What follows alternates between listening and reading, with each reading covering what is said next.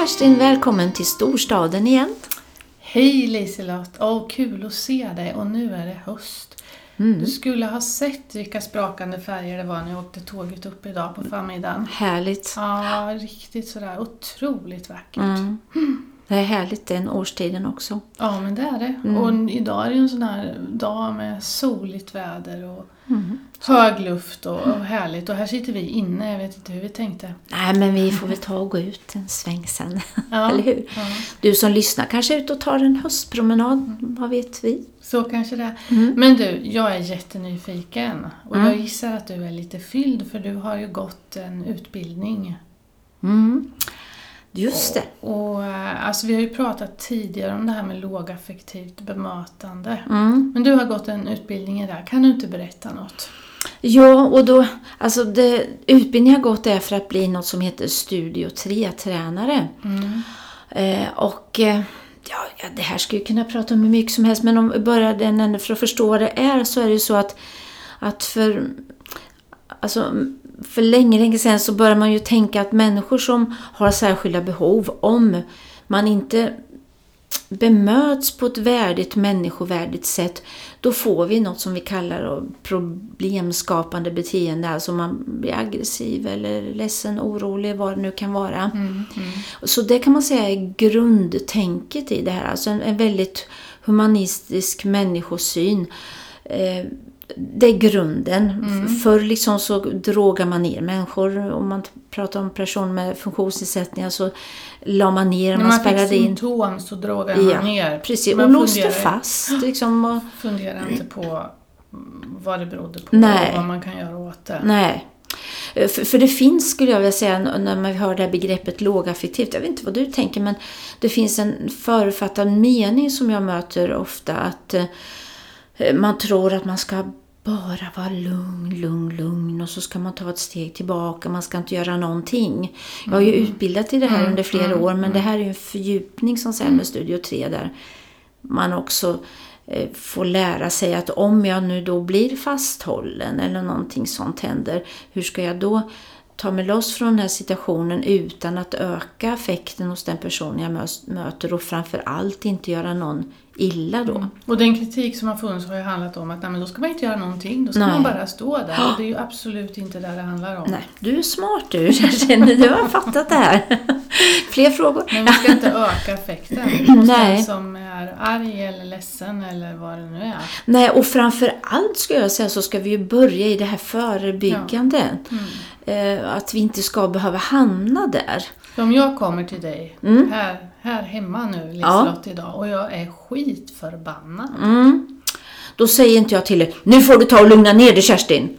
Det ska jag inte säga då. Du får inte trigga mig ännu mer. Nej, Och det är ju precis. samma sak om vi möter människor som har en sjukdom i botten. Ja. Mm. Man är inte, det, det är som någon uttryckte det att när någon håller på att drunkna då är det inte läge att ropa ah, du borde ha lärt dig simma.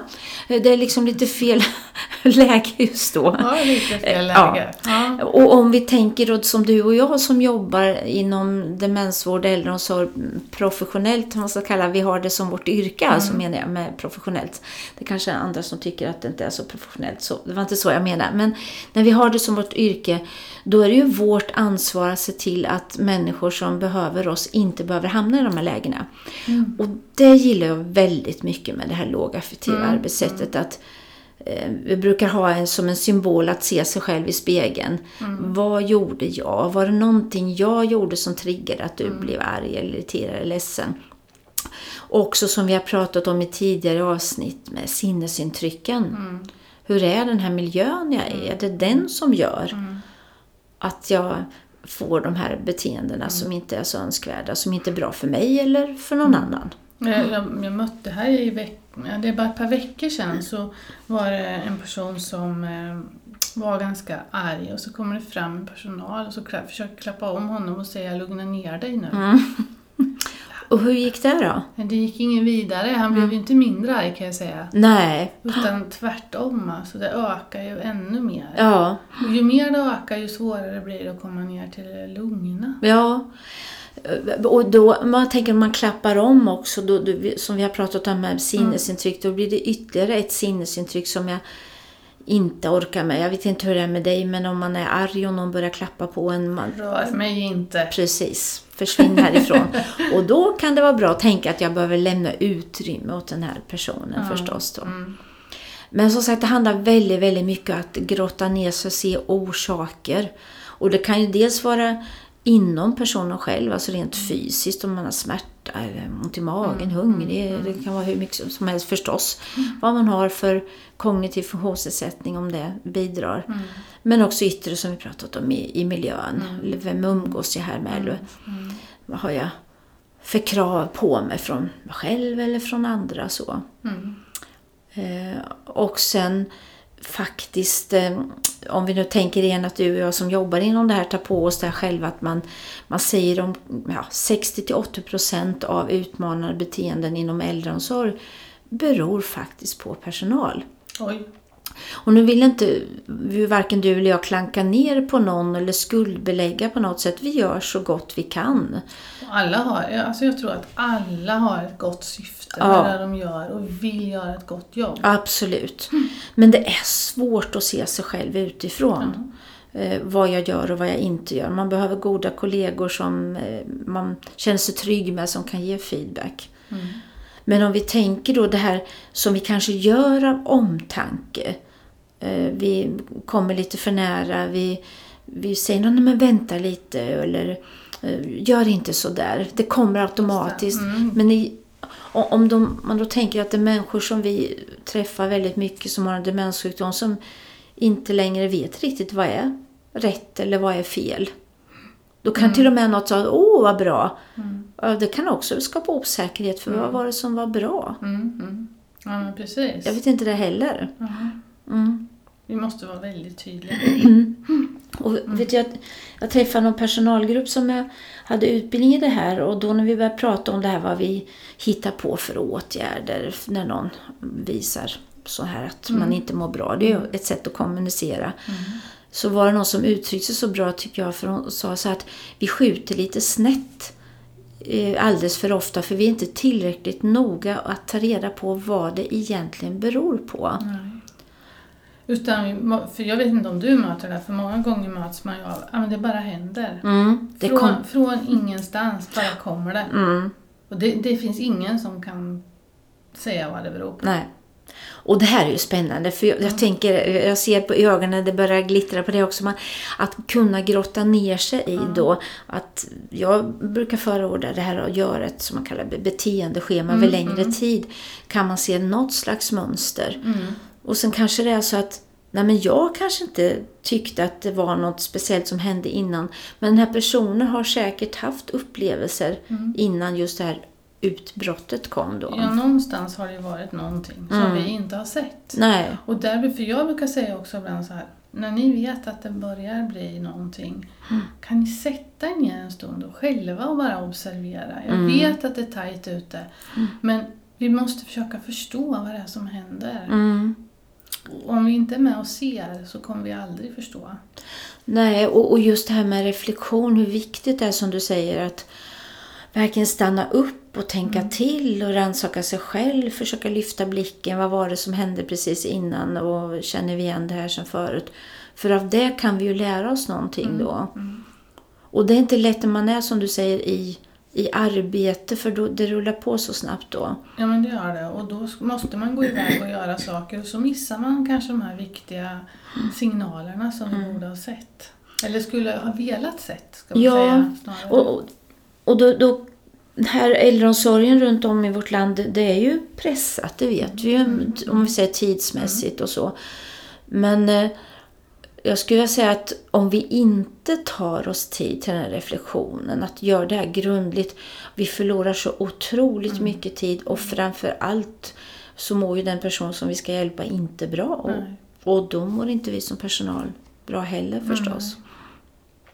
Så det är väl värt använd tid att sätta sig ner och eh, samla hela teamet också med olika perspektiv. Mm, Det är också viktigt. Ja, Och som du säger, hela teamet. Så det inte Ja. bara är någon yrkesgrupp utan att vi har sjuksköterska, chef och undersköterskor med. Ja. Och ibland kanske vi behöver fysioterapeut och arbetsterapeut också med i den Mm. diskussionen. Mm. Du har ju väldigt bra erfarenhet från det, i det uppdrag du har i det här mobila teamet som Ja. du jobbar i. Mm. Som är ett multiprofessionellt team. Mm. Men, och där går vi ju in när vi har fått en remiss. Och då har jag förmånen att jag kan vara med och försöka se vad det är som händer. Mm. Och handlar det om miljön? Handlar det om mötet? Vad handlar det här om? Mm. Mm. Men en, en variant av det skulle man ju kunna göra om det är väldigt mycket oro eller aggressivitet runt någon person. Att man bara försöker att sätta sig och observera vad var som hände. Eller bara vara mer medveten om det under en tid man jobbar. Mm. Mm. Och det här hur, ja, jag tänker genom åren, alltså vad, vad många människor som jag har mött har lärt en del om mig själv. Speciellt då personer som har en demenssjukdom som har uttryckt saker till mig som jag inte har varit medveten om. Nej, som du gör. Mm. Ja. Pratar för fort, går för fort. Mm. Ja, jag ska, man ska ju inte svära i en podd heller, eller? eller Nej, vi har, ju, vi har ju sagt att vi inte gör det, men nu ska du citera någon då. Ja, Bara. ja, precis. Men jag Ja. behöver ju inte svära. Men det var någon som verkligen uttrycktes på ren östgötska för många år sedan att det, det är hm, hm, vad du skener. Ja. Och för de som inte förstår östgötska så betyder ju det att den här personen upplevde att jag gick väldigt snabbt på den där avdelningen. Tyckte du sprang. Säkert. Mm. Som och lät. Ja, jag lät säkert också. Eh, och det uppfattar ju inte jag för jag var så helt inne i vad jag skulle göra och inte göra så. Mm. Men det lärde mig att hejda mig. Mm. Och det är väl de ögonen vi måste få upp också, ögon och öron, att verkligen ta in vad de sjuka säger, Mm. för de kan lära oss otroligt mycket.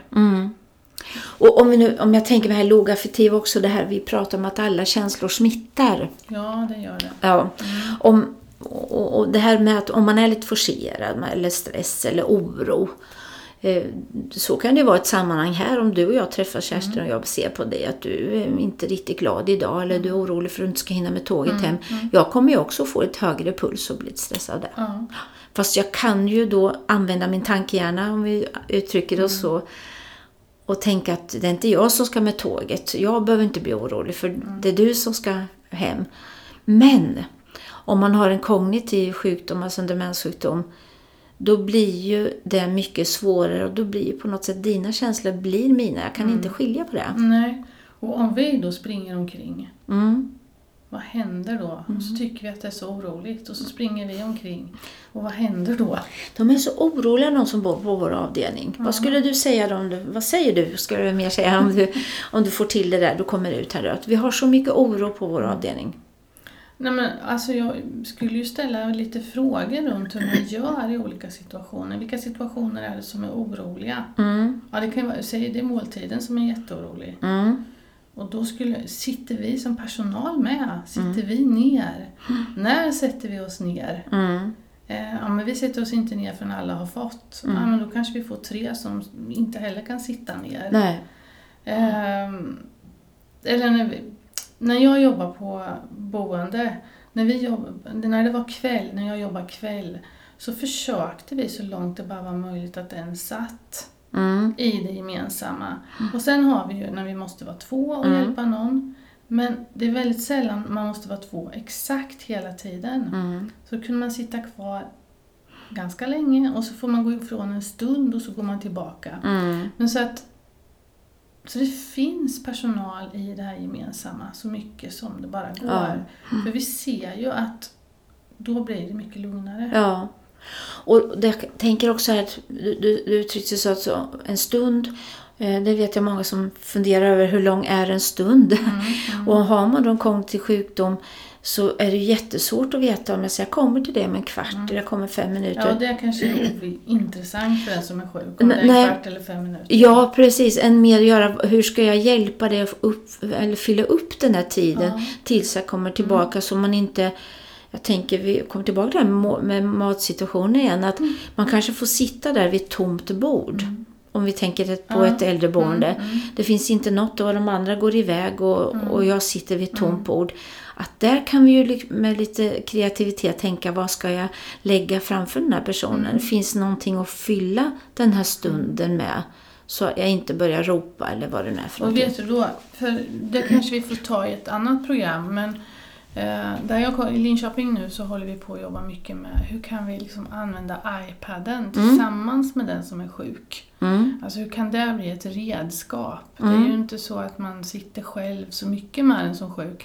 Men det skulle ju kunna vara så här, och jag vet en person, det här är en kvinna som hon tycker väldigt mycket om djur, mm, hon tycker väldigt mycket om katter. mm, Och då finns det en eh, film Mm. där en katt ligger och spinner och någon klappar den här katten. mm, Och den kan man ge henne under en liten kortare stund Mm. medan man lämnar.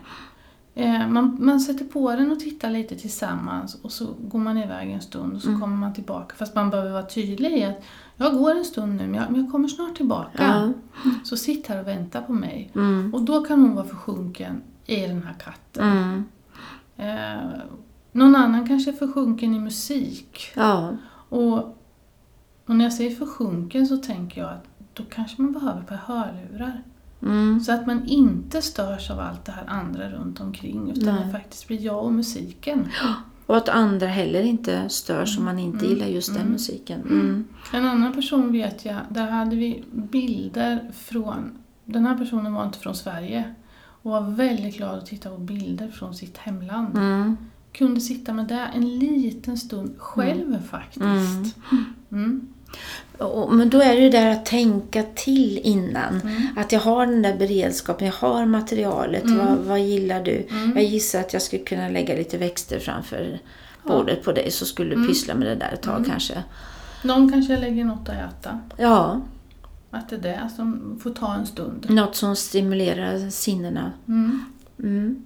Men, men det är ju ett sätt att tänka förebyggande om vi nu ska kom, prata om lågaffektivt bemötande. Att så otroligt mycket vi kan göra med rätt tänk. Mm. Hur vi agerar, att vi inte drar igång någonting. Mm. Och sen förstås hur vi ska, om, nu, om jag nu möter någon som är arg eller ledsen, hur vi ska göra så att man inte ökar på det här mera. Inte där tillrättavisningarna. Nej, Det- det, de måste vi passa oss för. Ja, Så man inte känner att man blir uppfostrad. nej.